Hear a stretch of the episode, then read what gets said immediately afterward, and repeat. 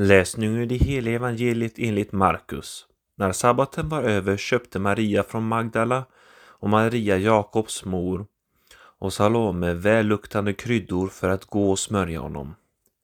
Tidigt på morgonen efter sabbaten kom de till graven när solen gick upp och de sade till varandra Vem ska rulla undan stenen från graven åt oss?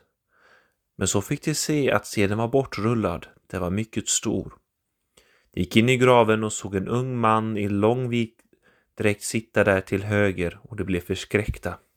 Men han sade till dem, var inte förskräckta, ni söker efter Jesus från Nasaret, han som blev korsfäst.